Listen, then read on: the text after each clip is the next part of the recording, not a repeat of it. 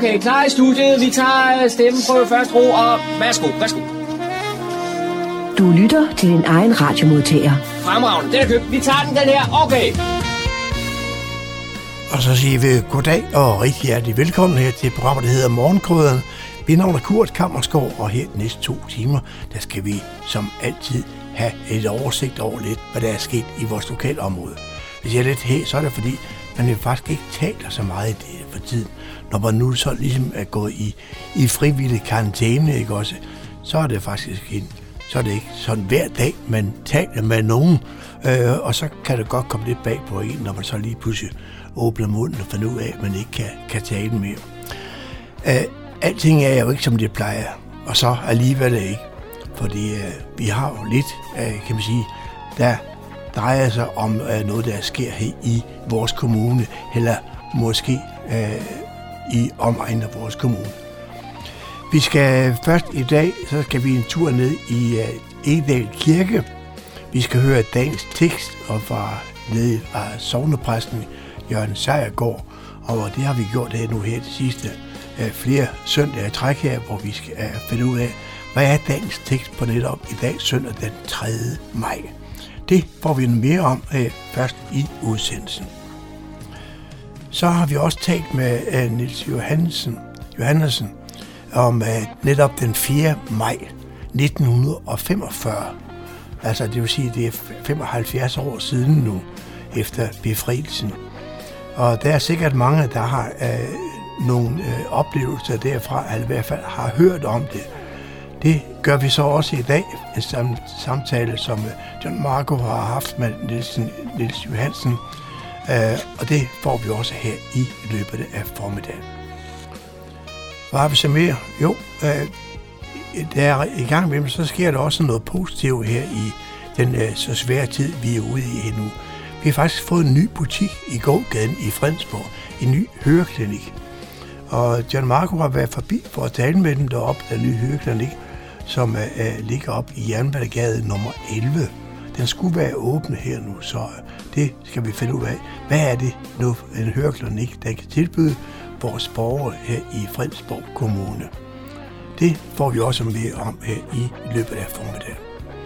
Vi skal selvfølgelig også have lokale nyheder her fra humleborg.dk. De er læst og redigeret som altid af Daniel Jørgensen. Og så er det jo den første søndag i en ny måned, og det skal vi jo have øh, nyt fra vores bibliotek, deres podcast, podcast, podcast det, det vil sige, som vi plejer at have den første søndag i måneden. Det er et samarbejde, vi har med bibliotekerne og så Radio Humleborg. Og musik har vi selvfølgelig også blandet lidt ind i det, og i disse tider, der har vi jo lovet at spille dansk musik for at støtte dansk kultur, og det gør vi så også i dag. Velkommen til Morgenkrøden. Rigtig god fornøjelse de næste to timer. Husk i øvrigt, som jeg plejer at sige, får du ikke hørt det hele her i, øh, i formiddag, så kan det genhøres det hele i morgen mandag mellem kl. 18 og kl. 20.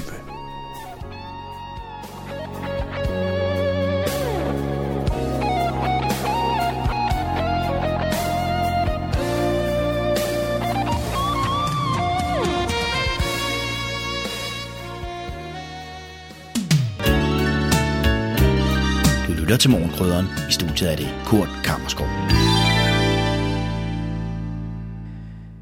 Jeg står i Egedal Kirke sammen med sovnepræst Jørgen Sejergaard. Og det vi skal høre i dag, det er teksten til søndag den 3. maj. Teksten er fra Johannes Evangeliet, kapitel 14. Jesus sagde, jeres hjerte må ikke forfærdes. Tro på Gud og tro på mig. I min fars hus er der mange boliger. Hvis ikke, vil jeg så have sagt, at jeg går bort for at gøre en plads rede for jer. Og når jeg er gået bort og har gjort en plads rede for jer, kommer jeg igen og tager jer til mig, for at også I skal være, hvor jeg er. Og hvor jeg går hen, det han kender i vejen.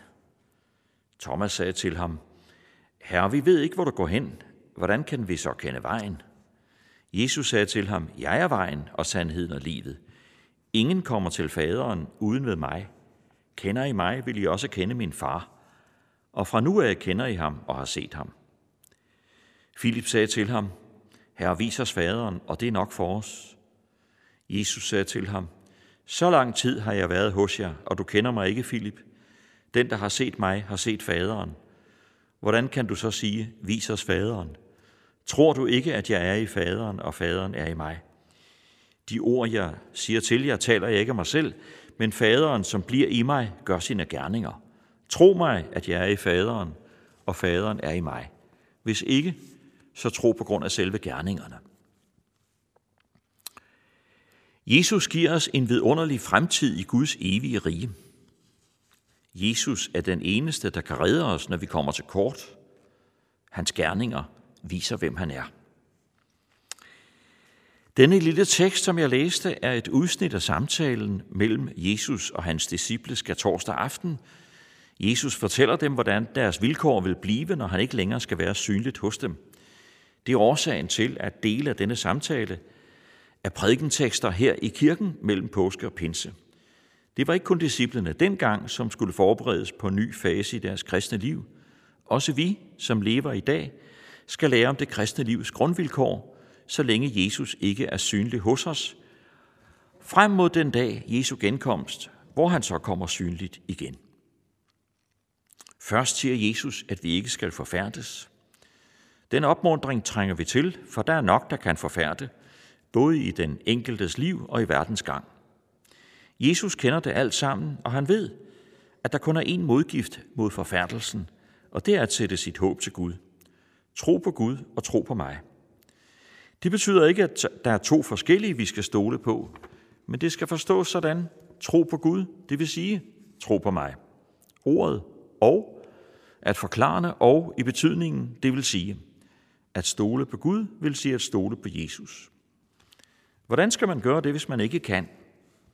Så må man bede om hjælp og sige til ham, Jesus, jeg kan ikke tro på dig. Jeg har så svært ved at tro, men hjælp mig. Hvis du kan hjælpe, så hjælp mig. Bed sådan til ham og bliv ved med det, og lad ham gribe ind. Du kan ikke gøre mere end overlade din nød til ham. Men det er lige netop det, det drejer sig om, også for den allermest troende og fromme. Den, der tror meget, og den, der har svært ved at tro, har det til fælles, de kan ikke andet end overlade deres nød til Jesus. Jesus uddyber så sin opmundring med tre forhold. Først peger han på fremtiden. I Guds hus, hans fars hus, er der mange boliger, og Jesus er nu hos Gud, hvor han forbereder en bolig til os, og når han er færdig med det, kommer han tilbage og henter os hjem til den bolig. Vi kender det fra vort eget praktiske liv. Man gør en bolig klar til indflytning. Jesus gør det samme, men her er det ikke et hus på denne jord, men en bolig i Guds evige rige. Vi har altså noget vidunderligt at se frem til. Han har meget tydeligt sagt, hvad målet for vores liv er, nemlig at han vil hente os hjem. Hvor broget vor tilværelse end er, så er målet klart for enhver, der overlader sin nød til ham. Det andet forhold er, at vi kender vejen til denne bolig, for Jesus selv er vejen. Han er vejen, sandheden og livet. Kun gennem Jesus kan man, kan man komme til Gud. Den, der kender Jesus, kender Gud. En af disciplene, Filip, har ikke forstået det, og beder Jesus om at vise dem Gud, og Jesus siger så, at den, der har set ham, har set faderen. Den, der har set Jesus, har set Gud. Jesus er i sin person selve afsløringen af Gud. Han er ikke Gud fader, men faderens udtrykte billede, som det siges et andet sted i Nyt Testamentet. Jesus mener, at det er en glæde, men mange synes, at det er et problem, at der kun er én vej til Gud. Hvad med alle de andre religioner? Hvorfor er der kun én vej til Gud? Hvorfor er Jesus den eneste vej? I 1800-tallet levede en stor forsker, der hed Manny Williams. Han var professor ved Oxford Universitet i mere end 40 år. Han holdt et foredrag, hvor han sagde følgende. For mit eget vedkommende hævder jeg, at jeg i udførelsen af mine pligter i 42 år har videt mere tid end noget andet nulivende menneske til at studere Østens hellige bøger. Og jeg våger at fortælle denne forsamling, hvad jeg har fundet at være den ene grundtone, kammertonen så at sige, i alle disse såkaldt hellige bøger, hvad enten det er brahmanernes Veda, shivaisternes og vishnuisternes Puranaer, mohammedanernes Koran, parsernes centervester, buddhisternes Tripitakas, kinesernes King, det ene omkvæd går igen overalt. Frelse ved gerninger. De siger alle, at frelsen må købes for en pris, og den eneste pris, den eneste købesum, må være vores egne gerninger og vores egen fortjeneste. Her må vi da stille den store modsætning op og trække en bred grænselinje. Vor egen hellige Bibel, vor hellige bog fra Østen, er fra først til sidst en protest mod denne lære. Gode gerninger er virkelig påbudt os i denne hellige bog fra Østen, langt stærkere end i nogen anden hellige bog fra Østen. Men de er kun resultatet af et taknemmeligt hjerte. De er kun et takoffer, hvor tros frugter. De er aldrig løsesummen for Kristi sande disciple.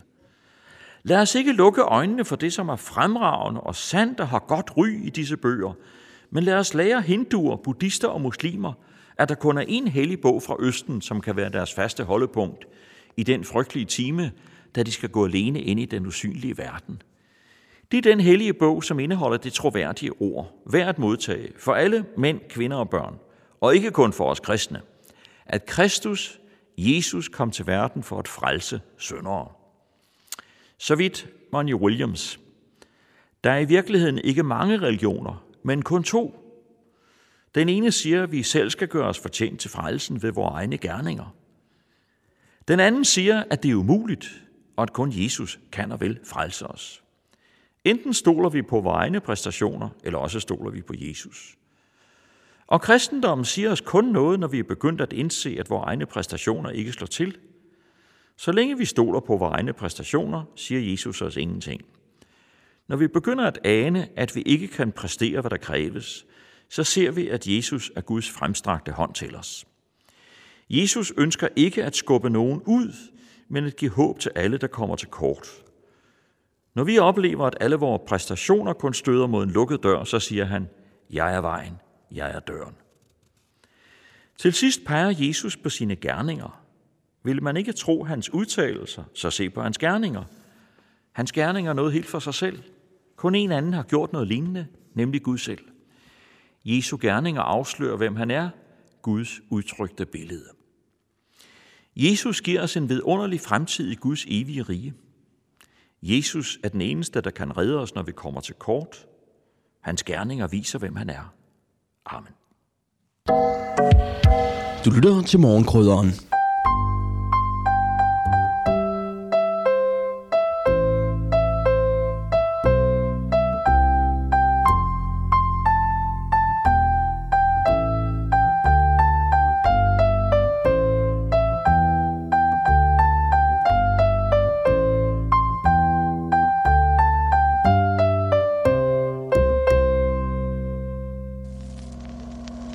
dette øjeblik meddeles det, at Montgomery har oplyst, at de tyske tropper i Holland, Nordvesttyskland og i Danmark har overgivet sig. Her London, vi gentager. Montgomery har i dette øjeblik meddelt, at de tyske tropper i Holland, Nordvesttyskland og Danmark har overgivet sig. Den 4. maj kl. 20.34 lød dette budskab i radioen fra BBC, oplæst af den danske journalist Johannes G. Jørgensen. Danmark var frit. Fredsbudskabet førte øjeblikkeligt til glædesfest over hele landet. Mørkelægningsgardiner blev revet ned, man satte levende lys i vinduerne, og frihedskæmperne med det stribede armben viste sig i gadebilledet. Fem års besættelse var overstået. Gennem de seneste måneder op til befrielsen havde de fleste danskere nok mærket, hvor det bar hen af. Ingen var i tvivl om, at Nazi-Tysklands dage var over. I Moskva og Washington var linjerne til det nye Europa allerede tegnet, og tropperne kæmpede mod uret fra hver sin side for at erobre størst mulige dele af Tyskland for at sikre sig en gunstig forhandlingsposition. Heldigvis for Danmark havde den engelske feltmarskal Montgomery valgt en nordlig kurs gennem Tyskland, og han opslog sit hovedkvarter lige syd for den dansk-tyske grænse på Lüneburger Heide. Dermed lå de engelske styrker som en stødpude mellem de fremstormende sovjetiske tropper og Danmark. Kapitulationsforhandlingerne blev indledt den 3. maj på Lüneburger Heide. Og dagen efter underskrev admiral von Friedeburg den betingelsesløse kapitulation for de tyske tropper i Danmark, Holland og Nordvesttyskland med virkning fra 5. maj kl. 8. Men ikke hele Danmark var frit.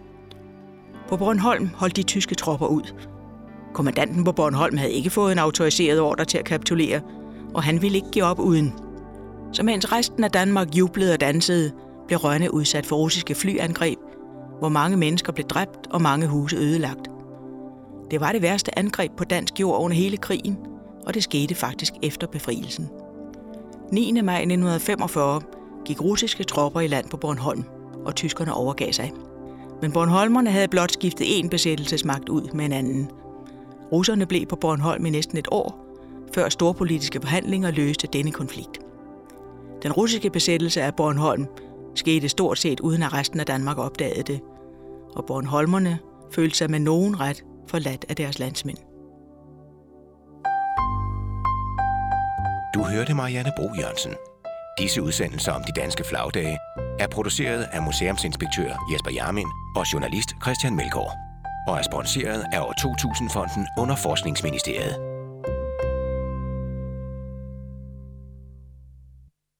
Jeg har ringet til Nils Johansen, der er pensioneret præst.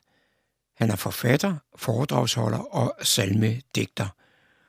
Og Nils, øh, du mener ikke, vi skal glemme den 4. maj 1945?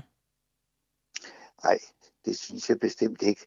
Og det synes jeg ikke nødvendigvis, fordi det er jubilæumsår med 75 år i år. Jeg synes, at man i mange, mange år stadigvæk skal huske de mange, mange, mange danskere, der offrede det bedste, de havde i deres liv. Og så synes jeg i høj grad også, at man skal tænke på øh, modstandsfolkenes børn, som jo er på min egen alder, og som for mange, mange vedkommende bærer rundt øh, på meget, meget tunge barndomsoplevelser, fordi deres forældre havde natlige mareridt, eller havde flossede nerver, fordi de havde været udsat for tortur eller angst, eller været i korsetlejre, eller udført forfærdelige handlinger. Og, og øh, det i meget, meget høj grad har præget mange af mine jævnaldernes, mange af mine jævnaldernes generation, at de har haft en meget, meget tung barndom. Jeg var lige ved at sige på listesko, fordi far havde dårlige nerver, mor havde dårlige nerver, vi kunne ikke have legekammerater med hjem. Så ja, der er to øh, generationer, jeg mener, man bør mindes hvert eneste 5. maj. Det er dem, der yder en indsats, stor indsats. Og så er der dem, der var børn af dem, der, der ydede en stor indsats. Jeg blev bedt om at af min gode ven Fred Jørgensen om at skrive en øh, 4. maj sang til jubilæet ude i Måløv Kirke. Og øh, det sagde jeg med, med stor tak, eller ja tak til, fordi 4. maj altid har betydet utrolig meget for mig, lige fra jeg var barn og til den dag i dag. Og apropos det her, jeg, øh, at jeg siger det med børnene af modstandsfolk, der har betalt en stor pris, så siger jeg i fire vers i det sang, i dag er der tid til at takke de modige kvinder og mænd, der kæmpede med livet som indsats, så Dannebro hejstes igen. Og takke de børn, som betaler en pris for forældrenes mod. De bærer som voksne en barndom med lugten af modstand og blod. Og de lever jo endnu. De fleste modstandsfolk er jo døde. Der er endnu en tilbage, som jo bor heroppe. Ham, der som 13-årig var med i Churchill-klubben i Aalborg. Men øh, de fleste er jo ellers døde. Men deres børn, de lever. Har du selv nogle erfaringer med, med, med børn af modstandsfolk i, i din nærhed? Øh, ja. Øh, jeg havde min bedste legekammerat, Per, og hans storebror Ole. Der havde de aldrig lys i vinduerne 4. maj, hvad der var et absolut undtagelsestilfælde i Romsøgade, der ellers lyste som et juletræ 4. maj. Og grunden til, at de ikke havde det, det var, at deres onkel, der var med i modstandsbevægelsen, var blevet skudt af gale Schalburg-folk den 4. maj. Man må jo ikke glemme, at 4. og 5. maj øh, godt nok var jo man mørkelægningsgardiner ned, men Schalburg-folk, der var absolut Schalburg-folk, der ikke ville overgive sig. Og altså, jeg, min bedste legekammerat, øh, hans onkel var blevet skudt. Og så har jeg senere i gymnasiet haft kammerater, som øh, hvis far var i KZ-lejr og, og, og andre ting. Altså, at han kunne være fredelig og venlig, og lige pludselig, hvis man kom til at, at sige noget forkert, så kunne hans nerver simpelthen komme op i det røde felt, og, og indtil man vidste hvorfor, så kunne man stå fuldstændig uforstående over for det. Så jo, øh, det har jeg, og, og jeg vil sige, at derfor har jeg også i tre romaner skrevet meget om børn af forsømte børn af, af modstandsfolk. Men måske skulle vi høre den, den sang, du har skrevet, og, og hvad er det egentlig, den hedder? Ja, øh, den hedder Så tung var de tungeste dage, så lette de dage i mig. Og min gode ven, øh, komponisten, organisten og den virkelig dygtige jazzmusiker Willy Emose, har skrevet en vidunderlig højskolemelodi til den, og han har sammen med sin kone, øh, der nu øh, mange af disse alsangsarrangementer, hvor den skulle have været sunget, ikke kan brille rigtigt til noget, lavet en øh, vidunderlig YouTube-udgave, som man kan gå ind og se og høre. Men ja, lad os høre den.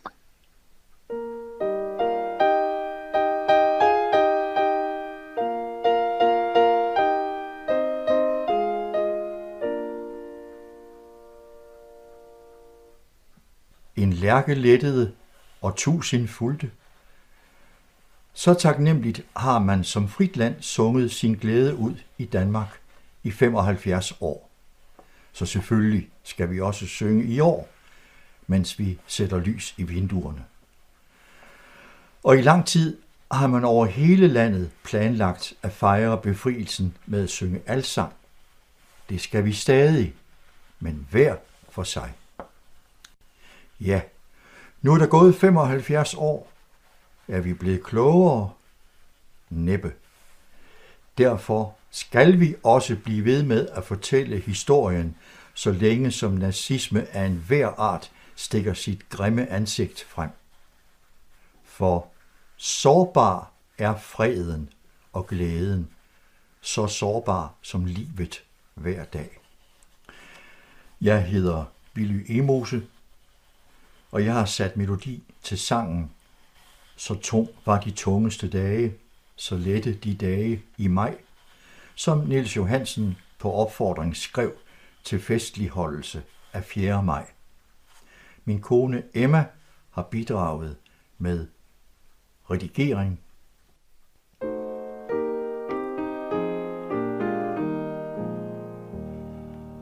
Så tung var de tungeste dage, så lette de dage i mig.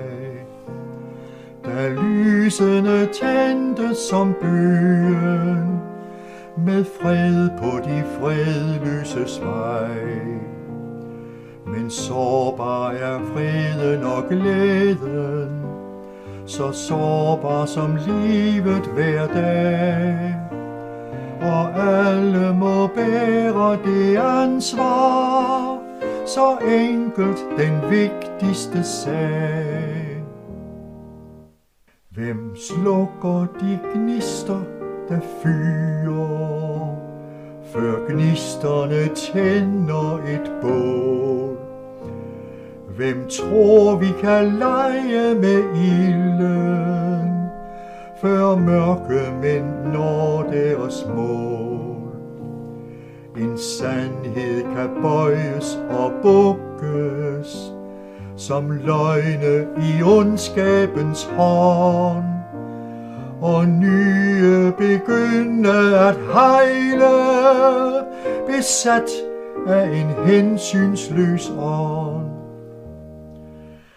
Der lokkes og kæmpes i verden, og hjertet er kamppladsens sted. En fører kan skjule sit ansigt og fører os skrupelløst med. Til nogen begynder at synge om frihed fra lænker af stål og frygt som vokser til kæmper og gaderne flammer af bål. I dag er der tid til at takke de modige kvinder og mænd, der kæmpede med livet som indsats, så Dannebro hejstes igen. Og takke de børn, som betaler en pris for forældrenes mod. De bærer som voksne en barndom med lugten af modstand og blod. Lys, som vi tænder i aften, er hjerternes ja og et nej. Et nej til de djævelske kræfter, og ja til forsoningens vej. De lyser som stjerner i mørket, og peger på lysenes guld. Vi bærer dem unge og gamle, som fredslys frimodige ud.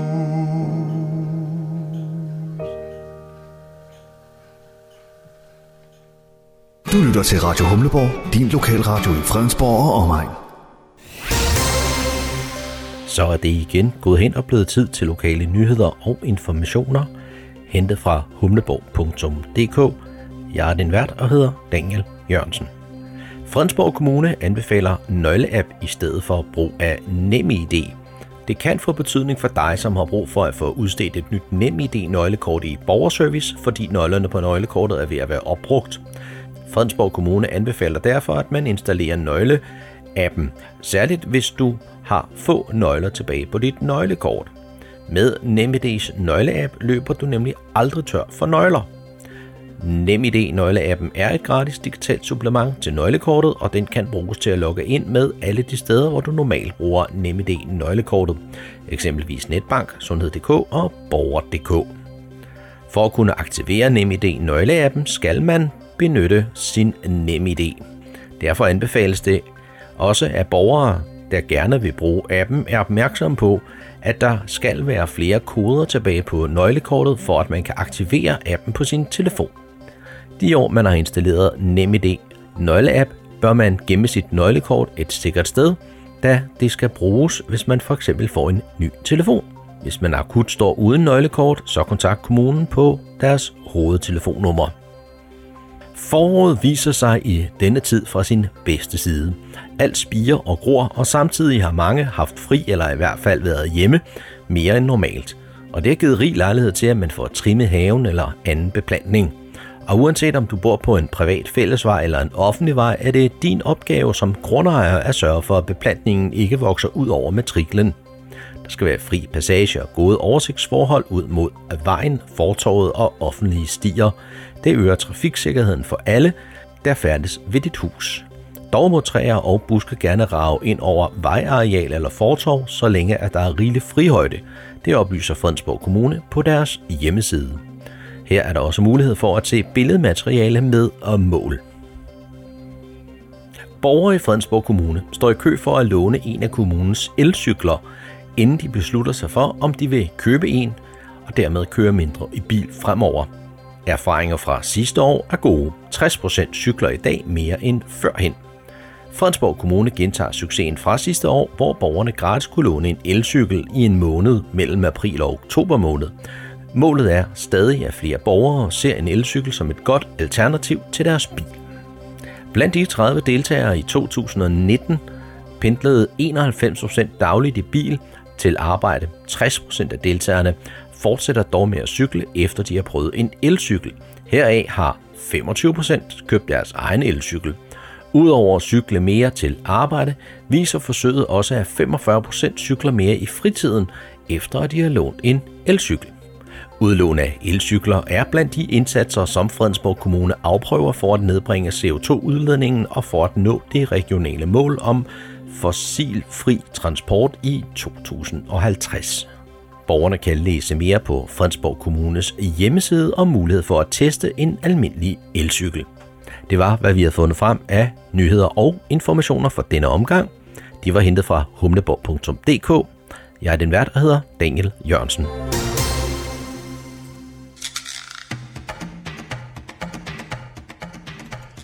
Hej, det er Humleborg, så hvis du vil høre mere om... Hvis og hvis og hvis. Hvis der var pant på toiletpapir, eller Torgild Thyring var buschauffør. Hvis og hvis og hvis. Hvis jorden var flad. Hvis man kunne blive voldstømt for at slå græsset. Eller køerne i Bilka kunne malkes. Hvis og hvis og hvis. Nå ja, bare stil ind på 104,3 MHz. Jeg er taget til Jernbanegade nummer 11 i Fredensborg, og her der er jeg gået ind i et nyåbnet firma, der hedder Høreklinikken. Og sammen med mig i lokalet her, der sidder Jesper Hald, der er ørelæge, og Michael Parsberg, der er medejer her i klinikken. Og øh, nu ved jeg ikke rigtig, hvem er der skal på, men øh, hvorfor I startede det her? Jamen, øh, den kan jeg godt tage. Vi har startet det, fordi at øh, vi har jo faktisk også høreklinikken i Hillerød, som ligger på Dyrehavevej 19. Øh, men vi har simpelthen så travlt. Så øh, vi har oplevet, at der kommer mere og mere ventetid. Og øh, det betyder, at øh, servicen jo bliver dårligere, hvis der er for lang ventetid til, at man kan få enten nye høreapparater købt, nye høreapparater, eller få serviceret dem, man har. Så det her det var en kærkommen mulighed for at nedbringe ventelisten og yde en bedre service til, øh, til vores klienter. Øhm, plus at hele skal man sige, det geografiske område rundt omkring Hillerød, vi dækker jo hele området omkring Hillerød, og der er bare rigtig mange af dem, som vi, øh, vi har over i Hillerød, som kommer over fra den her del af, øh, af Sjælland, og så var det for, at de ikke skulle køre så langt. Ja, det er også et godt sted at have en, en høreklinik. Der, der ligger ikke nogen andre høreklinikker i nærheden, og selve omgivelserne er fantastiske, ikke? med en, en gågade her udenfor, som øh, bliver mere og mere fortravlet. Nu er det muligt at køre ned igennem gaden, og man kan parkere lige ude foran vores klinik med et, et fantastisk øh, handicapvenlig indgang og dejlige lokaler, og så fik vi et godt tilbud. Ja. Øh, der lå et, øh, en herretøjsforretning Skrøder før, som nu er flyttet over på den anden side og blevet sådan et damernes magasin, et herremagasin. Øh, og så har vi så slået til her og bygget det om. Der er blevet lyst og lækkert, og der er blevet lavet et, et lydrum til at foretage de her undersøgelser, man skal lave for at kunne finde det rigtige høreapparat. Jeg fortalte indledningsvis, at Jesper Hall er ørelæge. Michael, øh, hvad er din funktion? Min funktion? Jamen altså, jeg er, øh, jeg er uddannet det, der hedder audiologistand tilbage i 1994. Og det var faktisk der, jeg lærte Jesper at kende. Han var øh, læge uden på Gentofte sygehus. Øh, så vi lærte hinanden at kende helt tilbage dengang.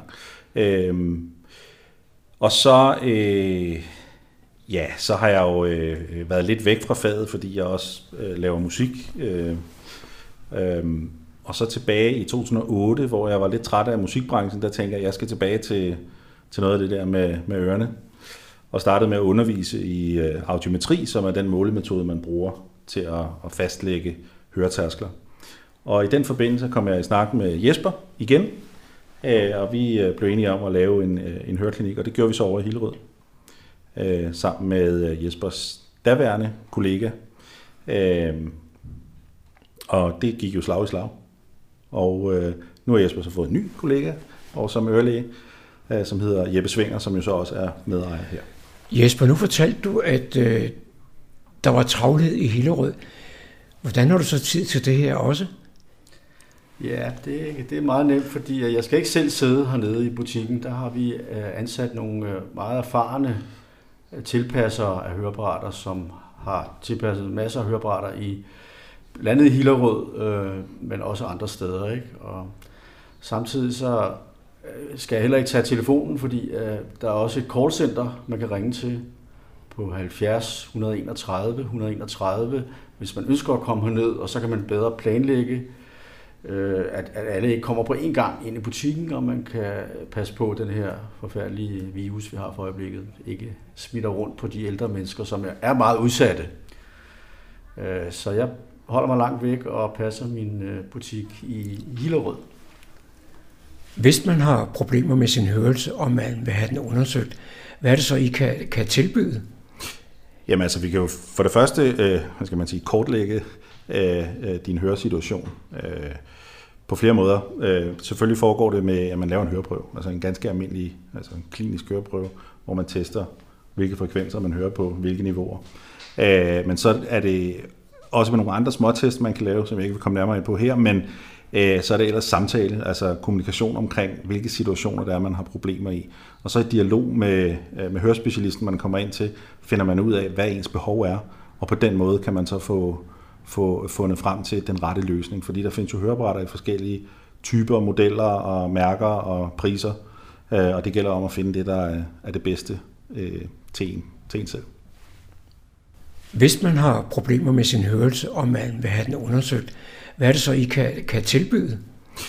Jamen altså, vi kan jo for det første, øh, skal man sige, kortlægge øh, øh, din høresituation øh, på flere måder. Øh, selvfølgelig foregår det med, at man laver en høreprøve, altså en ganske almindelig, altså en klinisk høreprøve, hvor man tester, hvilke frekvenser man hører på, hvilke niveauer.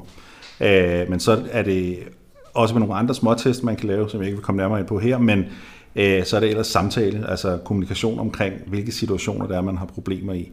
Og så i dialog med, øh, med hørespecialisten, man kommer ind til, finder man ud af, hvad ens behov er, og på den måde kan man så få, få fundet frem til den rette løsning, fordi der findes jo høreapparater i forskellige typer, modeller og mærker og priser, øh, og det gælder om at finde det, der er det bedste øh, til en, til en selv. Jeg hører af til om folk, der har nedsat hørelse, at øh, de egentlig ikke selv er opmærksomme på det, men at det øh, er naboen, der brokker sig over, der bliver skruet for højt op for fjernsynet. Jamen, det er rigtigt nok. Man kan godt føle, at man egentlig hører meget godt, og så siger man bare hele tiden. Og man bliver et døvt spektakel til sidst. Øh, men det at have et høretab, det er utrolig individuelt, om man vil have gjort noget ved det eller ej. Øh, mange mennesker lever med det, men øh, der, der er også nogen, der har et ganske let høretab, som ønsker høreapparat. Ikke? Så det er utrolig individuelt, hvor, hvor, hvor generet man er af det. Men der kan være andre ting, der gør, at man gerne vil have et høreapparat. Det kan fx være, hvis man har tinnitus, altså susen i ørerne, der har man også mulighed for at dæmpe den tinnitus med et høreapparat. Så, så der er flere gode ting med høreapparat i dag. Øh, håndfri telefon Øh, podcast, øh, man kan høre øh, e-reolen, altså lydbøger, igennem sine høreapparater, via telefonen. Så man behøver ikke at være så bange for at gå med et høreapparat i dag. Øh, det er ikke så stigmatiserende, som det var tidligere. Og man er også i stand til at behandle nogle høretab i dag, som man ikke kunne tidligere på grund af teknologien i høreapparaterne. Øh, det er jo sådan, at øh, fra de fleste mennesker, øh, opdager, at de har et problem, og indtil de gør noget ved det, der går der faktisk i gennemsnit syv år. Og øh, de sidste studier viser, at øh, den primære årsag til, at man får gjort noget ved det, det er ægtefælden eller familien. Så det gælder om at lytte til sig selv og gøre noget ved det så hurtigt som muligt, fordi der er også studier, der har vist, at ubehandlet høretab kan føre til tidligere øh, demens. Jeg har også hørt, at folk, øh, der ikke hører særlig godt, eller måske er helt døve, de føler sig udenfor. Det er præcis. Ja, det kan man jo nemt gøre, fordi man får jo ikke fat i det hele. Øh, og det kan være til de her selskabeligheder med familie og venner og masser af baggrundsstøj. Men, men det er ikke altid nemt med et høreapparat, øh, også i de situationer. Men der findes nogle høreapparater, hvor man kan forsøge at fjerne sådan noget baggrundsstøj. Men, men det, det er ikke nemt altid, og, og jeg forstår også godt folk, som måske ikke synes, de får den glæde af, af et høreapparat, som de troede, de skulle have. Øh, men, men sådan er det, man, vi er individuelle, og som vi også snakker om det tidligere, der kan være andre årsager til, at, at man ikke får glæde af et høreapparat. Det kan være, hvis man har et skældnetab, ikke? Øh, og så hjælper det ikke altid at skrue op for høreapparatet. Så, så er det ligesom at være på en radiostation, hvor man ikke rigtig har fået indstillet kanalen ordentligt. men man kan prøve det bedste, man, man kan, og, og få det indstillet ordentligt. Og det, det er noget, vi også vil sætte pris på, at man kommer ind og får justeret sit apparat, så det ikke ligger i, i skuffen. I dag der taler man meget om arbejdsmiljø, og naturligvis også om det, der hedder høreværn. Men i de gode gamle dage på arbejdspladserne, tror jeg ikke, man var så opmærksom på det, og det må også have givet nogle skader. Jo, det kan jeg da godt fortælle lidt om. De helt gode gamle dage, det var, der kom støjskaderne hos smedelærlingen, der skulle holde pladen indvendigt i beholderne, og så blev der nittet udefra med mester, ikke? Og, og der så man altså nogle meget grimme høreskader. Høreskaderne øh, altså aftaget noget, vil jeg sige, for folk bliver er meget mere påpasselige. Men der er stadigvæk nogle øh, musikere, vi ser, øh, som øh, kan have nogle irriterende skader, øh, som kan give tinnitus. Øh, og, det, og det må man jo forebygge sig imod. Det er rigtigt. Det er egentlig lidt pudsigt, fordi det er jo egentlig hele industrialiseringen, som Jesper lige øh, fortalte om, som er, er årsag til, at der, der er rigtig, rigtig mange, der hører dårligt i dag. Men det er faktisk også årsag til, at gennemsnitstaleniveauet er steget fra omkring 50'erne op til nu med 14 decibel.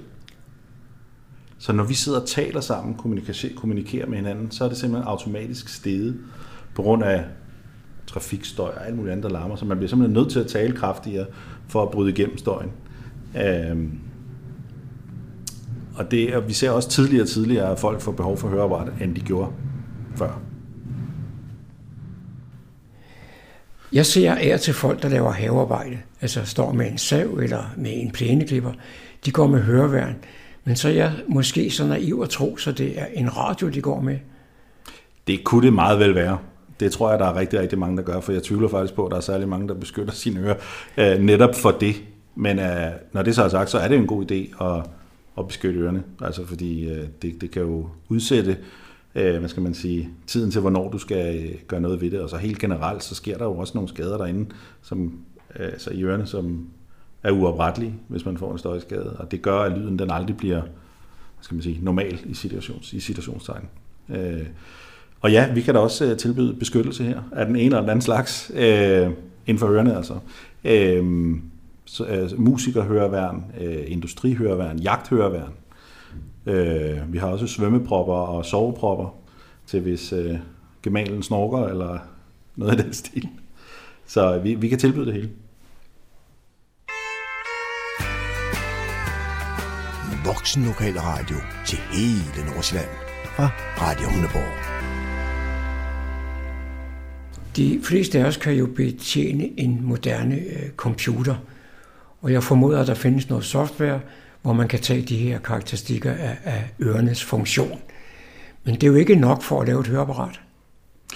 Nej, det, det er det jo ikke. Altså, lyden skal jo også behandles, og det er jo alt det, der foregår inde i den mikroskopiske teknik, der er i høreapparatet.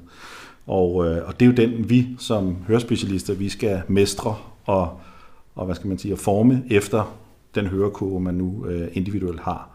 Øh, og det, det, det kan godt være en udfordring, men heldigvis så findes der jo software fra producenterne, som, øh, som er skræddersyet til det enkelte produkt, som gør det nemmere for os at hvad skal man sige, oversætte øh, øh, høretabet til noget, øh, noget brugbart. Så husker jeg fra min tid i forsvaret, at vi fik udleveret ørepropper. Og der var tre eller fire forskellige farver, fordi vores ører er forskellige. Der må også være noget med en mekanisk øh, tilpasning. Ja, det er rigtigt. Øh, man skal jo sørge for, at øregangen er ren og pæn. Øh, det går ikke at tilpasse et høreapparat, hvis der skal laves en afstøbning eller, eller et høreværn, og så, så er det fyldt med ørevoks. Så derfor så er det vigtigt, at man, man har styr på det, og man også øh, har styr på, at man ikke lider af en eller anden øresygdom. Fordi øh, øh, hvis man har noget i ørerne, så er det altså ikke så nemt, som øh, hvis man har lidt søvn i øjnene. Øh, det gælder om at, at holde øje med, at der ikke samler sig noget i øregangen, bakterier eller svamp eller, eller ørevoks. Og, og derfor er det en god idé at få, at få dem renset, op til man bliver kigget på og få lavet høreprøven. Måske har vi misforstået hinanden lidt, men det er sådan, at øh, vores ører, rent fysisk, så er de jo forskellige.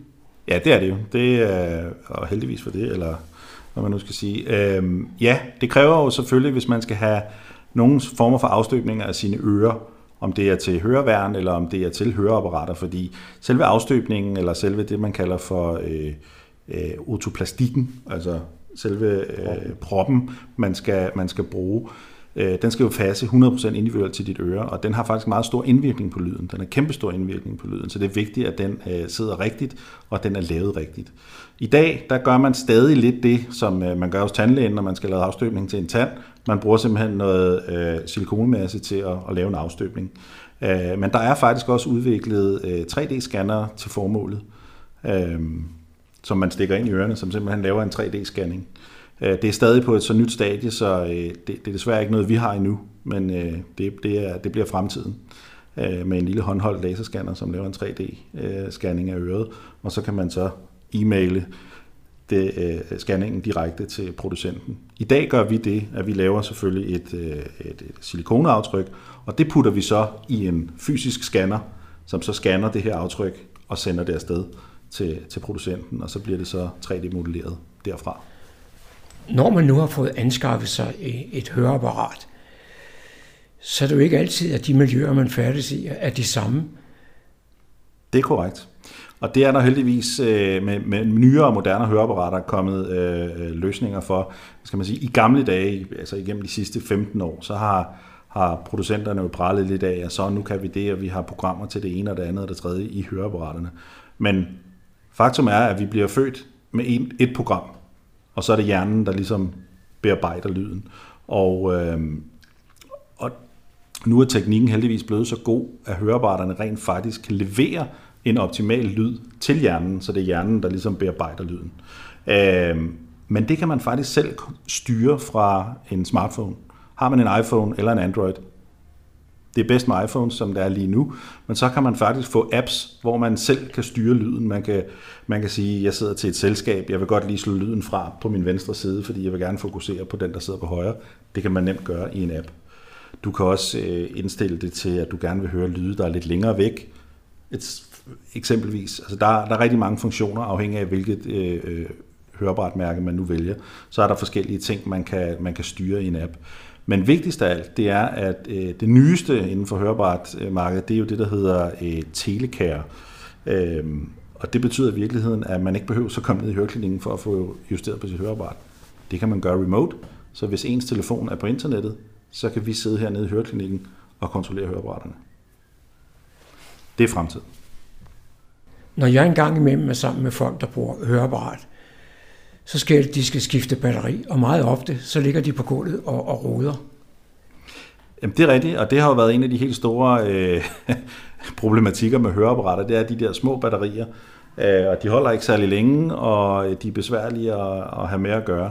Heldigvis er det allernyeste, det inden for høreapparatteknologi, det er jo genopladelighed. Altså ligesom øh, telefoner og alt muligt andet. Så har man en lille oplader, øh, hvor man lægger høreapparaterne ned i. Øh, hvad hedder det, øh, og så kan man øh, kvikoplade sit høreapparat på 10 minutter.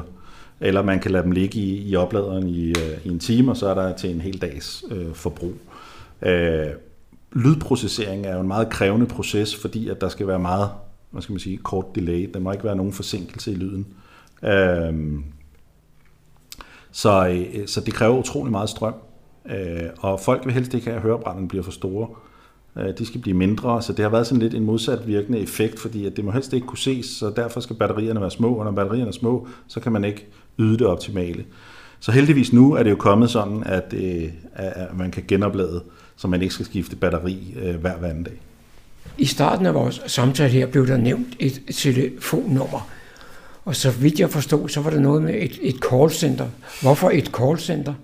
Jamen det er fordi, at øh, vi prøver at optimere så meget vi nu kan øh, på det her. I stedet for, at vi skal have en siddende i hver klinik, som vi nu har med at gøre, øh, og tage telefoner, jamen så har vi samlet det hele et sted. Og det er faktisk også for at, at mindske presset hos ørelægen, så folk ikke skal igennem og sige, mit høreapparat virker ikke, hvor det i virkeligheden er en, der kan ringe og sige, at de har ondt i ørerne eller i halsen, øh, som er lidt vigtigere. Så har vi lavet et specifikt nummer, som er kun til høreapparatbrugere. Øh, og det er selvfølgelig henvendt vores høreklinikker. Men vi arbejder også lidt sammen med nogle andre ørenæs halslæger rundt omkring på Sjælland, hvor der også er en, øh, en lokal høreklinik. øh, og det er et fælles nummer dertil, 70 131 131. Så det gælder altså også her til Fredensborg og til Hillerød. Hvor, hvor mange er I i det samarbejde? Det er efterhånden ved at være mange. Øh, det er 14, alt i alt. Øh, men, men det skal siges, at hver, hver klinik er, det er ikke en kæde, det er en selvstændig eget klinik, og øh, der, der, er ikke, der er ikke nogen anden sammenhæng, end at vi deler nogle, nogle ressourcer for at optimere. Inden for de fleste øh, produkt, produktarter, der er der jo mange mærker. Er der noget, der øh, har jeres fortrin? Altså umiddelbart har vi alle mærker her i, i klinikken, men, men der er selvfølgelig nogle mærker, vi, vi får et bedre pris på end andre. Og, og det kan så være op til kunden, om, om man vil tage imod det, den gode pris, eller man vil hellere have et andet mærke, som har et andet design. Øh, der er for eksempel, som øh, Michael snakkede om, de genopladelige høreapparater, der synes øh, jeg personligt, at, at der er nogle øh, mærker, der har visse fortrin, altså har en, en genopladelighedsstation, som man kan have i lommen, øh, og, og kan bære med rundt. Øh, og den er måske øh, lidt dyrere end et andet mærke, øh, som man måske kunne få rabat på. Men, men det må man komme ned i butikken og se, om hvad vi har at tilbyde. Og hvis man skal sige noget omkring øh, vores callcenter, øh, så er det jo også muligt at ringe til callcenter og, og bestille en tid hernede, øh, så man ikke hober sig for meget op i de her tider. Vi har øh, selvfølgelig alle forårsregler hernede med håndsprit afstand og også øh, et, et visir, hvis det skulle blive muligt, fordi øh, man har med hørehæmmet at gøre, og så er det vigtigt at kunne mundaflæse måske øh, den, der skal tilpasse høreapparat og snakke om høreapparat i første omgang. Og man kan jo komme ind til en høreprøve, hvis man er usikker på sin hørelse, og for at se, om man overhovedet har behov for det. Som du var inde på, Marco, om er, er det noget, eller er det ikke noget, ikke? Og, og kan man øh, allerede afvise med en let høreprøve, at, det er, at, at der ikke er noget høretab, så er der ingen grund til at gå videre. I dag, hvor vi tre sidder sammen her i lokalet, der er der rimelig bart. Det ser rimelig nystartet ud. Kan folk komme som kunder allerede nu? Ja, vi er sådan set åbne. Vi er køreklar. Vi har fået vores godkendelse fra staten til at køre. Vi har høreapparater på lager. Så øh, vi er sådan set klar til at modtage kunder i butikken, og øh, de første er allerede booket i kalenderen, så det er dejligt. Det var John Marco, der havde produceret dette indslag.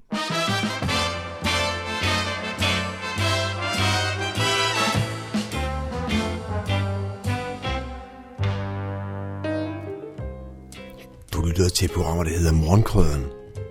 En hver lighed med nogen anden eksisterende radioprogram må sige at være ren helt.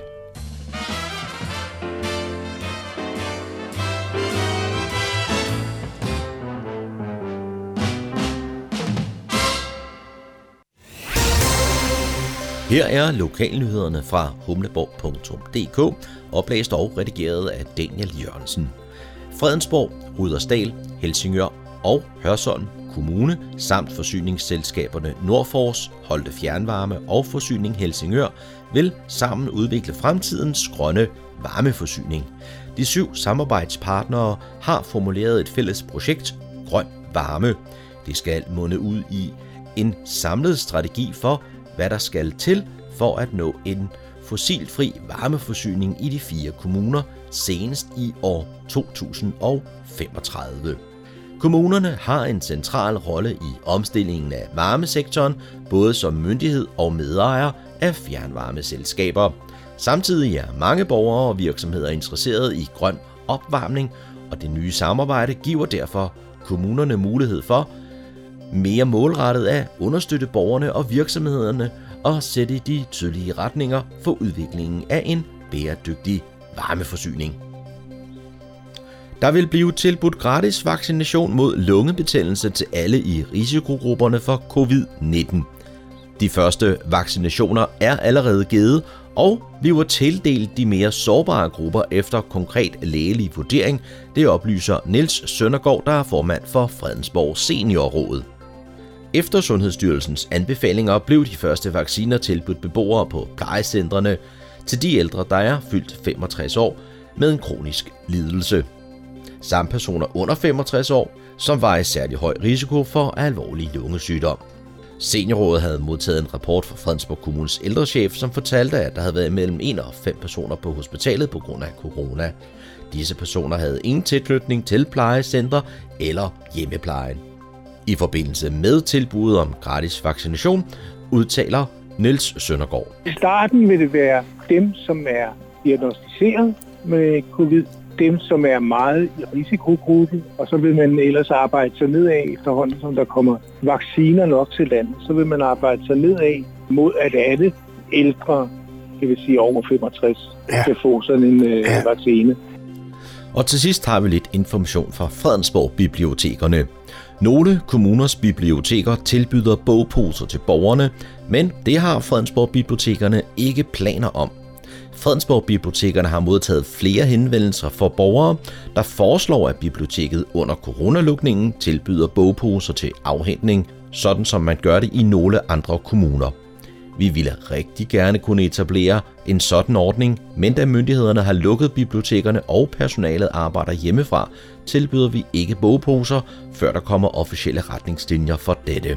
Til gengæld har vi allerede nu udarbejdet forskellige planer for en større eller mindre genåbning, så vi forhåbentlig snart er klar til dag 1, når myndighederne giver grønt lys.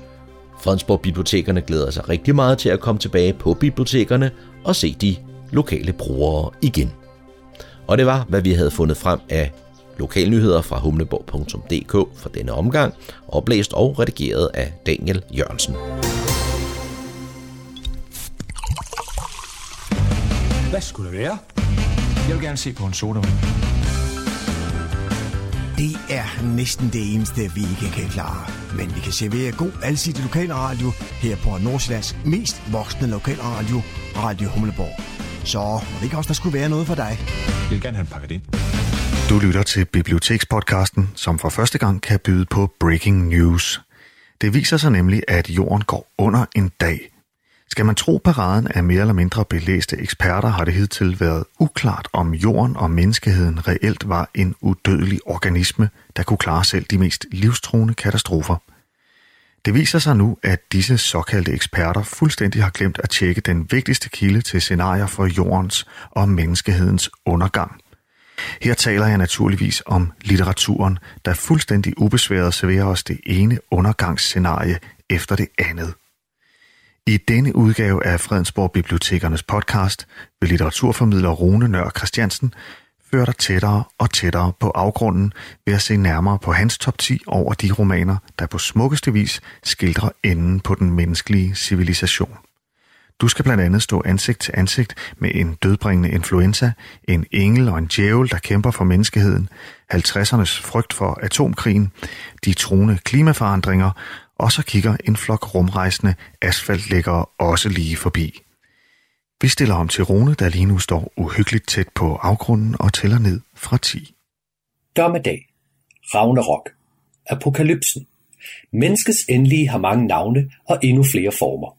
Om det er en meteor, en virus, atomkrig, menneskeskabte robotter eller udefra kommende rumvæsener, så skorter den menneskelige fantasi ikke på måder at svælge i vores egen undergang. Især ikke, hvis den kommer i bogformat. Lad os starte, hvor al god dommedagslitteratur begynder, blandt engle og dæmoner. Nummer 10 over måder verden kan gå under på, er Apokalypsen, som beskrevet i Good Omens af Neil Gaiman og Terry Pratchett. Alle dommedags alfader må vel være apokalypsen fra det nye testamente. Ikke videre opmuntrende læsning om verdens undergang og satans fremgang, men ikke desto mindre spændende og nervepirrende historiefortælling. De mange symboler fra den kristne dommedag er brugt gang på gang i populær litterær sammenhæng. Men ingen gør det nu helt så formfuldt og humoristisk som Neil Gaiman og Terry Pratchett i deres afsindigt morsomme roman Good Omens. Historien omhandler englen Aziraphale og dæmonen Crowley, der siden tidernes morgen har vandret vores jord og afventet dens endelige. Crowley har sågar fået det ærefulde erhverv at levere djævelens søn til menneskeheden, hvilket han gør en mørk og regnfuld nat på et lille hospital i en afkrog af England. Desværre er det ikke altid let at være satanisk tilbeder, og der opstår en del forvirring, da djævelens søn skal forbyttes imellem to andre børn, der minder utrolig meget om hinanden. For 11 år efter står helvedes herre klar til at indtage verden. Alt de venter på er ordren fra djævelens søn. Problemet er bare, at nu 11-årig dreng, der giver ordren, Warlock som han hedder, ikke er djævelens søn. Nej, for djævelens søn, som er blevet døbt Adam, hænger ud med sine venner i en lille flække kaldet Lower Tatfield. Og så kan forviklingerne ellers først rigtig tage fart. Crowley og Sierfeld forsøger nu i fælles front at finde frem til satans yngel, samtidig med, at de inderst inden kæmper for at undgå apokalypsen. For jorden er jo egentlig et meget lækkert sted, når man er en udødelig engel og dæmon med hang til hurtige biler, god mad og antikke bøger. Good Omens er proppet til retten med skæve karakterer og blasfemisk morsomme situationer. Et troende menneske vil måske finde den en anelse anstødelig og plat. Men for alle os andre, der ikke er bange for at grine lidt over Gud, menneskeheden og verdens undergang, er Good Omens kort og godt en topgod måde at ende vores dag på. Nummer 9.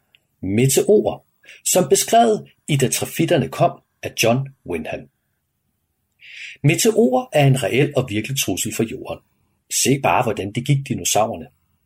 Heldigvis er oddsene for, at en meteor med tilstrækkelig global ødelæggende størrelse rammer planeten ufattelig lille, hvilket vi jo så kan glæde os over. Desværre behøver en meteor ikke ramme jorden for at skabe tilstrækkelig ravage til, at det kan bringe dommedag ned over vores hoveder. I John Wyndhams roman, Da trafitterne kom, blændes størstedelen af menneskeheden, da en meteorsværm passerer jorden og forårsager et særligt grønligt skær, der skader folks øjne. I sig selv er dette jo traumatisk, men måske ikke civilisationsødelæggende, da der trods alt fortsat er seende tilbage. Desværre har menneskeheden på dette tidspunkt fremstillet en særlig slags høje, kødædende planter, kaldet trifitter, der med deres 3 meter lange giftbrød kan slå et hvert væsen ihjel øjeblikkeligt. Efter russerne ved en fejltagelse har fået spredt trefitterne ud over jordkloden, har menneskeheden slavebundet planterne og brugt dem som en slags pyntegræs i folks haver. Men med blindheden følger planternes oprør. Trefitterne slipper fri af deres fangenskab, og inden længe er den seende ikke længere kongen i de blindes land. Det er. John Wyndhams roman kan lyde som plat science fiction, men den er ikke blevet en klassiker for ingenting. Hans skildring af den menneskelige overlevelse i kampen mod sig selv og naturen er et skræmmende indblik i menneskerasens kyniske reaktion på katastrofen. For som holdningen er hos de få seende mennesker, Hvorfor redde de blinde, hvis liv er umuligt at frelse i kampen mod trefitterne? En hver hjælp vil jo være formålsløs og blot en udskydelse af det uundgåeligt endelige. Det er denne mobile psykologi, der kendetegner romanen til den sådan grad, at man som læser begynder at tvivle på medmenneskeligheden, når først den presses op i en krog. Romanen er fra 50'erne og smager måske lidt af koldkrigsretorik. Men som psykologisk indsigt formår den at fremstille moralske dilemmaer, der presser læseren på sine egne holdninger til rigtigt og forkert. For hvis du pludselig skulle vælge mellem din kæreste og en gruppe sunde og raske blinde, hvem vil du så vælge? Så hvis du vil øve dig i at træffe svære moralske og etiske beslutninger, inden dommedag rammer, så grib, da trafitterne kom, og kaster ud i det. Nummer 8 over måder verden kan gå under på. Zombier. Som beskrevet i The Girl with All the Gifts af M.R. Carey. Zombier. Et af dommedagsforfatternes absolute yndlingsscenarier. Hvad det lige er, der får disse langsomme, menneskeædende levende døde til at få en apokalypsefanatikers mund til at løbe i vand, er et godt spørgsmål. Måske er der bare noget absurd grotesk ved ideen om at blive spist af dem, du elsker. Zombie-litteraturen har du taget nogle interessante drejninger gennem tiden. Som for eksempel i Max Brooks' The Zombie Survival Guide, hvor forfatteren med næsten kynisk realisme fremlægger en guide til, hvordan man rent faktisk overlever i en verden oversvømmet af zombier. Alt fra hvilke våben, der er gode, og hvor det er godt at skjule sig, og hvilke kampteknikker, der er mest effektive over for de levende døde. Max Brooks er også manden bag World War C, en anden zombie-klassiker, der sidenhen er blevet filmatiseret med Brad Pitt i hovedrollen. Der er dog én bog, der angriber zombie-temaet på en helt unik måde, og samtidig fremhæver det, der gør zombiehistorie til mere end bare mobil slasher-litteratur. I M.R. Carey's The Girl with All the Gifts er verden, som så ofte før, infesteret af zombier. Forårsaget af en særlig slags svamp, der gradvist udsletter enhver menneskelighed i de ramte, og gør dem til såkaldte hungries, der lever af sunde og raske mennesker. Men noget er anderledes. På en militærbase i England studerer man en gruppe inficerede børn, der er i stand til at agere normalt og menneskeligt, så længe de ikke dufter menneskekød. I så fald vender de og bliver til hungries, men er så i stand til at blive almindelige mennesker igen. Hvorfor dette er, er en gåde.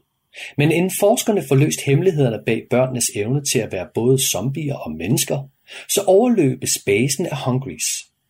En lille gruppe overlevende, bestående af en forsker, en soldat og et af børnene må nu kæmpe sig vej igennem den faldende civilisation, hvilket ikke bare fører dem ind i dommedagens mørkeste afkrog, men også tættere på sandheden og børnenes egentlige evner. For måske er de ikke bare ofre for en svampesmitte.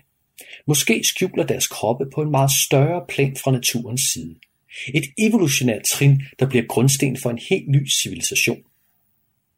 The Girl with All the Gifts er fremragende læsning. Spændende og tankevækkende, og et forfriskende, smagfuldt, hvis man kan tillade sig at bruge det ord, bud på en anderledes fortælling om liv og død og alt det, der ligger imellem. Så sæt tænderne i den, hvis zombier er din kop til. Nummer 7 over måder verden kan gå under på. Virus. Som beskrevet i station 11 af Emily St. John Mandel. SARS, fugleinfluenza, kogalskab, pest, kolera, corona. Meget kunne tyde på, at den hurtigste og mest sandsynlige vej til dommedag går gennem de svagheder, der måtte være i vores immunforsvar. Hvor dommedagslitteraturen ofte peger på det udefrakommende som årsagen til vores endelige, så er der en gren, som peger på, at vores endelige vil komme indenfra, nemlig i form af en virus. Flere romaner har forsøgt at tage livet af menneskeheden igennem disse mikroorganismer. En af de bedste er formentlig Michael Cretons Truslen fra det ukendte, der på skræmmende vis fortæller historien om en virus fra rummet, der tror med at udslette os alle. Heldigvis klarer kyndige videnskabsmænd skærene, og katastrofen afværes i sidste øjeblik. Helt så godt går det ikke i station 11 af den kanadiske forfatter Emily St. John Mandel. Her opdager menneskeheden først for sent truslen fra en dødelig svineinfluenza, der dermed kommer til at forårsage størstedelen af menneskehedens udryddelse. Handlingen udspiller sig i Great Lakes-regionen i USA, hvor de få overlevende forsøger at leve videre på den anden side af civilisationens fald. I centrum af det hele er den aldrende skuespiller Arthur Leander. Ikke som man skulle tro, i form af en postapokalyptisk held, der må redde menneskeheden for dommedagens grusomme eftervirkninger – Nej, han er nemlig den første, der dør i USA af svineinfluenzaen. På scenen under fremføring af Shakespeare-stykket Kong Lear. Men Arthurs liv op til da har berørt en masse mennesker, og station 11 er fortælling om, hvordan disse mennesker gradvist bindes tættere og tættere sammen. Den primære hovedperson er Kirsten, en barneskuespiller, der var med bag scenen den aften, hvor Arthur døde, og nu, efter dommedag, rejser rundt med en Shakespeare-teatergruppe i et forsøg på at fylde den sorgfulde verden med kunstens skønhed. Gradvist kommer hun i berøring med mennesker og genstande, der alle er forbundet til Arthurs liv og levned. Og en verden reddet fra hinanden af sygdoms grusomheder, opstår der på smukkeste vis en sammenflætning af menneskeskæbner, der leder til et rørende klimaks. Station 11 er ikke den klassiske postapokalyptiske dystopi. Det er en smuk og til tider skræmmende fortælling om, at vi mennesker først og fremmest formes gennem de relationer, vi har til andre mennesker. Civilisationen er ikke i sig selv en garanti for et civiliseret liv. Det er måden, vi agerer over for hinanden og bærer hinanden igennem de svære tider, der gør os til civiliserede mennesker. Og dette er station 11 en påmindelse om. Nummer 6 over måder verden kan gå under på. Klimaforandringer. Som beskrevet i den druknede verden af J.G. Ballard. At klimaforandringer er kommet for at blive, må vi nok vedkende os. Og hvordan vi håndterer dem, er nok vores tids største udfordring. Men med rettidig omhu kunne vi måske være kommet klimaforandringerne i forkøbet. For faktisk blev vi advaret allerede i 1962, da J.G. Ballard, manden bag den rørende Solens rige, varslede de store klimatiske forandringer i romanen Den druknede verden. I denne befinder vi os i den nære fremtid, på et tidspunkt, hvor ekstreme klimaforandringer har oversvømmet det meste af jorden og lagt byer under vand. Menneskeheden er fortrængt til de arktiske egne, men nogle enkelte er blevet tilbage og lever nu i den tropiske sump, som førhen var den menneskelige civilisation. Her forsøger de at tilpasse sig den nye naturs orden, hvilket gradvist fører dem dybere og dybere ind i en anden verden, hvor den menneskelige bevidsthedstilstand forandrer sig, og der opstod en ny samhørighed med naturen. Historien i sig selv er fascinerende, men den sande gro ved Ballards roman er den måde, den fanger vores tids klimamæssige udfordringer, og hvordan den hudløst skildrer de katastrofale konsekvenser, det kommer til at have, hvis ikke vi handler i tide. Den druknede verden er ikke for sarte sjæle, og er en kynisk påmindelse om, hvor små vi mennesker er stillet over for naturens luner. For som romanen pænt minder os om, jorden skal nok klare de klimaforandringer, vi påfører den. Den har eksisteret i millioner af år, og vil eksistere til den dag solen opsluger den. Så skal vi handle, er det ikke for jordens skyld. Det er for vores egen. Nummer 5 over måder verden kan gå under på. Den teknologiske udvikling, som beskrevet i Neuromantiker af William Gibson. Robotterne er her, og den kunstige intelligens kaldes menneskets sidste opfindelse. En ikke videre opløftende profeti om et digitalt kredsløb, som egentlig bare skulle gøre vores liv lidt lettere. Men er vi i gang med at skubbe hele vores civilisation ud over kanten ved at opfinde et selvtænkende væsen med langt større hjernemæssig kapacitet end den samlede menneskehed til sammen, men absolut ingen menneskelig empati? Spørger du dommedagsforfatterne, så er kunstig intelligens og den teknologiske udvikling lige menneskelig underkastelse og sågar udrenselse. For inderst inden vil mennesket altid være fyldt med fejl, og vil et perfekt system kunne acceptere det uperfekte. William Gibsons roman Neuromantiker er på den ene side en dystopisk beretning om en kunstig intelligens med en lumsk plan, men samtidig en satirisk forudsigelse af multinationale selskabers grådighed og de negative effekter vores afhængighed af teknologi har på os som mennesker. Historien følger den arbejdsløse computerhacker Case, der har en hang til stoffer og selvmord. Han hyres af den mystiske detektiv Armitage til en række jobs, der snart kaster Case ud i en eksistentialistisk kamp mod onde multinationale selskaber, en magtfuld kunstig intelligens og det store spørgsmål om, hvad det vil sige at være menneske. At afsløre for meget romans plot vil være at fjerne glæden ved en glimrende udført dommedag. Men at lade sig føre mod verdens ende af neuromantikere er som at blive udspillet i et slag virtuelt skak. Bogen er fyldt med skarpe drejninger og intelligente plot twists, som gør vores vej til teknologisk underkastelse både tankevækkende og underholdende. William Gibson var heller ikke uden humor selv. Han er trods alt citeret for at sige, at før du diagnostiserer dig selv med depression eller lavt selvværd, så sørg først for at sikre dig, at du ikke rent faktisk bare er omgivet af røvhuller. Nummer 4 over måder verden kan gå under på. Atomkrig, som beskrevet i På stranden af Neville Shute. Utallige gange har forfattere verden over kastet jorden og menneskeheden ud i forfærdelige lidelser ved brug af vores måske mest grufulde opfindelse til dato, atombomben. Et våben med kraft nok til ikke bare at udslette byer, men hele civilisationer. Selv den dag i dag, 75 år efter den første prøvesprængning i New Mexico, frygter vi fortsat atombombens kraft, og vi oplever nationer på både den ene og anden side ryste med sæblerne og i bukserne ved udviklingen af atomvåben. I litteraturen er 3. verdenskrig ofte startet og afsluttet ved bombens magt men hvor dele af menneskeheden ofte klarer sig forbi ødelæggelserne og kan fortsætte livet i det postapokalyptiske samfund, så er der en bog, der på den mest brutale vis fortæller historien om, hvordan vi ikke klarer os igennem. Neville Shoots på stranden er ikke en almindelig dommedagsbog. Her er ikke de store actionscener, ingen korrupte regeringer, ingen muterede skæbninger eller barbariske Mad Max-agtige stammesamfund. Her er slet og ret almindelige mennesker, der venter på den uundgåelige død. Historien i På stranden er således. Efter en omfattende atomkrig har en dødelig radioaktiv sky lagt sig over hele den nordlige halvkugle, udslettet alt liv på sin vej. Sydpå er Australien gået forbi, for nu. For skyen er på vej, og fanget på Australiens kyst afventer den sidste rest af menneskeheden nu den uundgåelige død. Karaktererne vi møder kæmper på hver deres måde med den dystre viden om den begrænsede tid, de har tilbage.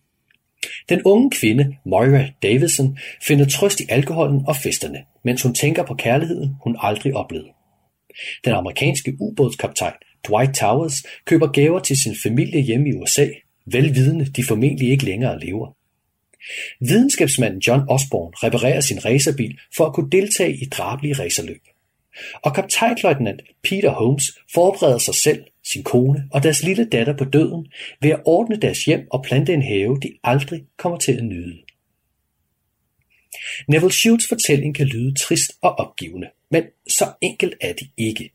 I sit inderste er romanen et bittersødt portræt af menneskehedens evne til at acceptere sin egen skæbne, uden at falde på knæ for selvmelidenheden.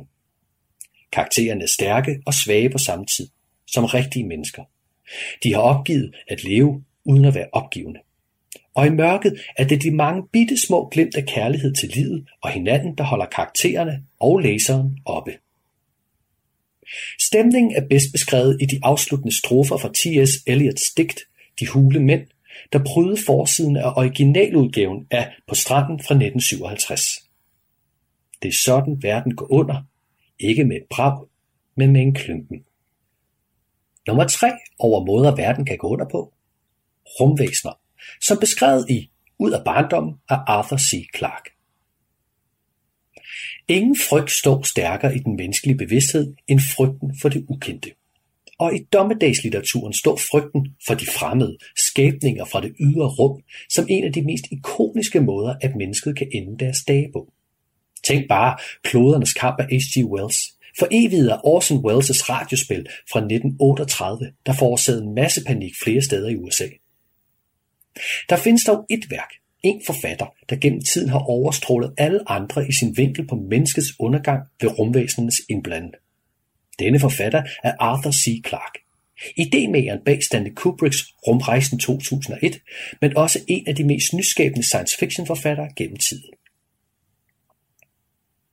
Rumrejsen 2001 gjorde muligvis Arthur C. Clarke kendt blandt andre en science fiction aficionados. Men hans hovedværk er den dag i dag romanen Ud af barndommen fra 1953.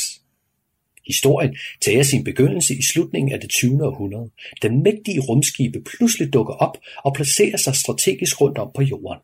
Rumskibene bærer på en fremmed race, overherrene, der med deres teknologiske overlegenhed tager magten over menneskeheden netop, som denne står på tærsklen til at kunne rejse ud i rummet.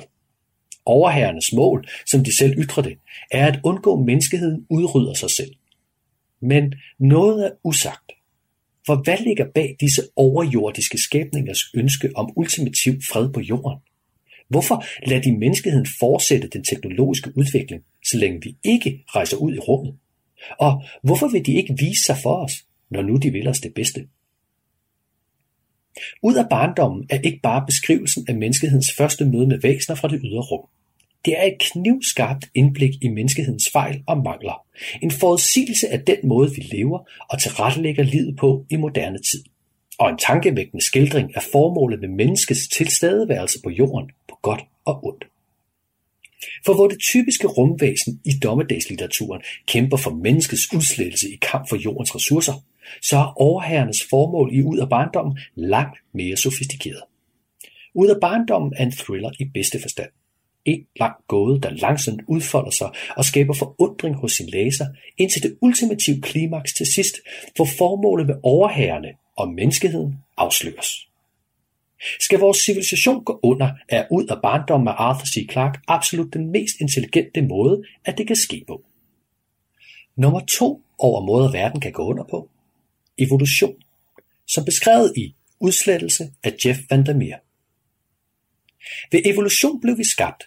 Ved evolution skal vi forgå. At Darwins evolutionsteori en dag skulle tage livet af os alle, er måske ikke et typisk dommedagsscenarie i litteraturen. Alligevel findes der et helt unikt eksempel på, hvordan menneskets fysiologiske udvikling medvirker til vores egen undergang. I romanen Udslettelse af amerikanske Jeff Vandermeer har et ukendt fænomen ramt et område af USA. Et område døbt område X, og som overvåges af en hemmelig organisation kaldes Southern Reach. Det er ikke meget, der vides om området. Faktisk slipper stort set intet ud derfra, hverken informationer eller ekspeditioner, og det tegner selvfølgelig ikke godt for den gruppe kvindelige videnskabsfolk, der sendes ind for at studere området. Vi følger en biolog, antropolog, topolog og psykolog, der udgør den 12. ekspedition til område X. Deres formål er enkelt, at observere og rapportere. Men som enhver god thriller går intet som planlagt, og intet er, som det ser ud til. Vi oplever historien primært igennem biologen, hvis mand forsvandt på den forrige ekspedition. Og gennem hendes øjne tegner Jeff Vandermeer et skræmmende billede af, hvad der sker med vores menneskelighed, når grundvilkårene for evolutionen ændrer sig. For i et nyt aflukket økosystem, hvor bygninger bliver til natur, hvor dyr udvikler nye arter ved at smelte sammen, og hvor ekspeditionsdeltagerne aldrig ved, om de observerer området eller området observerer dem, ja, hvad sker der så med vores menneskelighed? Når grundvilkårene for den menneskelige evolution udvikler sig til en ny slags evolution, hvor ender den menneskelige natur så? Udslettelse er en langsom nervepigerne rejse ind i vores arts sidste dage. Et bud på, hvad der sker, når menneske og natur forenes og går nye veje. Forventer man et brag af et nederlag for menneskeheden med geværerne løftet og bomberne regnende om ørerne, så er udslettelse ikke en fremragende profeti. Tværtimod er dette, som al anden evolution, en gradvis overgang fra en tilstand til en anden. En dommedag, vi aldrig når at opleve, før den er overstået. Nummer 1 over måder verden kan gå under på. Intergalaktisk motorvej, som beskrevet i Hitchhiker's Guide to the Galaxy af Douglas Adams. Vi er nået til vejs ende, bogstaveligt talt. For hvor verden, som vi kender den, risikerer at blive lagt ned af virer, zombier, meteorer og engle og dæmoner, så er der en dommedag, som ingen så komme. Den intergalaktiske supermotorvej.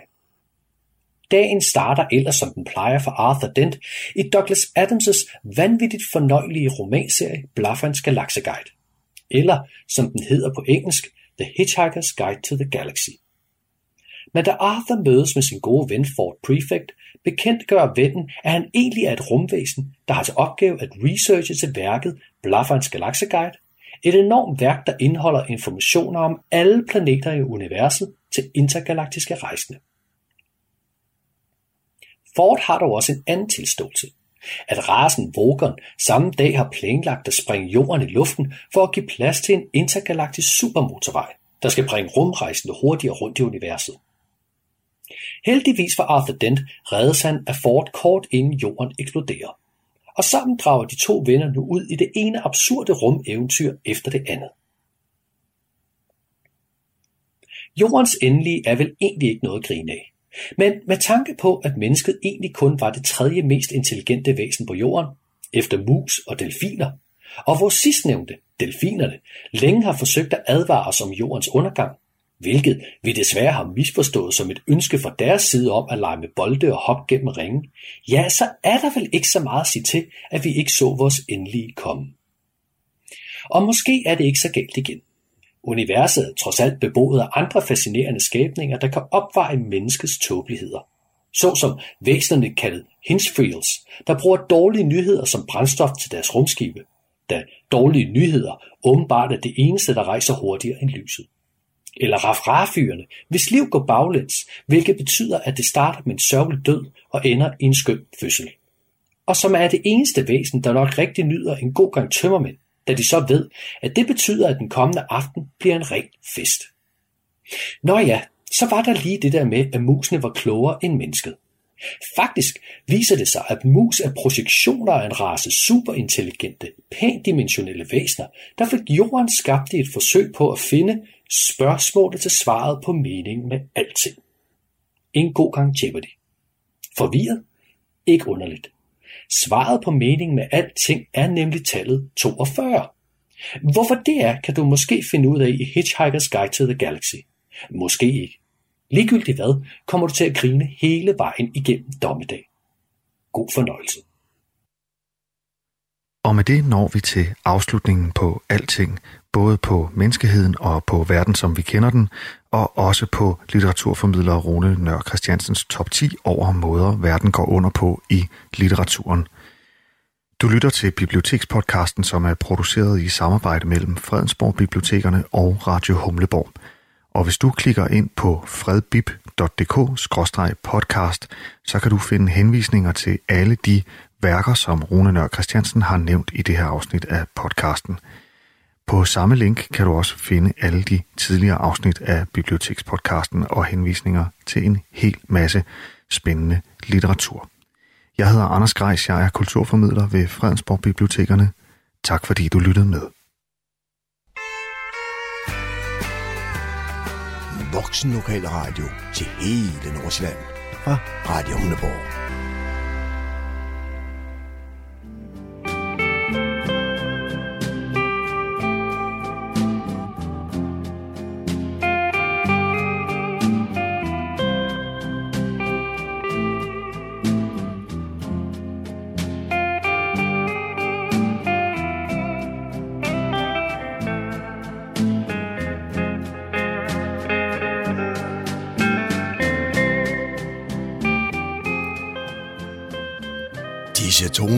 Fortæller os, at vi er nået til afslutningen på denne uges udgave af programmet, der hedder Morgenkrøden. Her fra redaktionen, som består af undertegnet, jeg hedder Kurt Kammersgaard. Ja, der siger jeg tak for nu, og på genhør en anden god gang.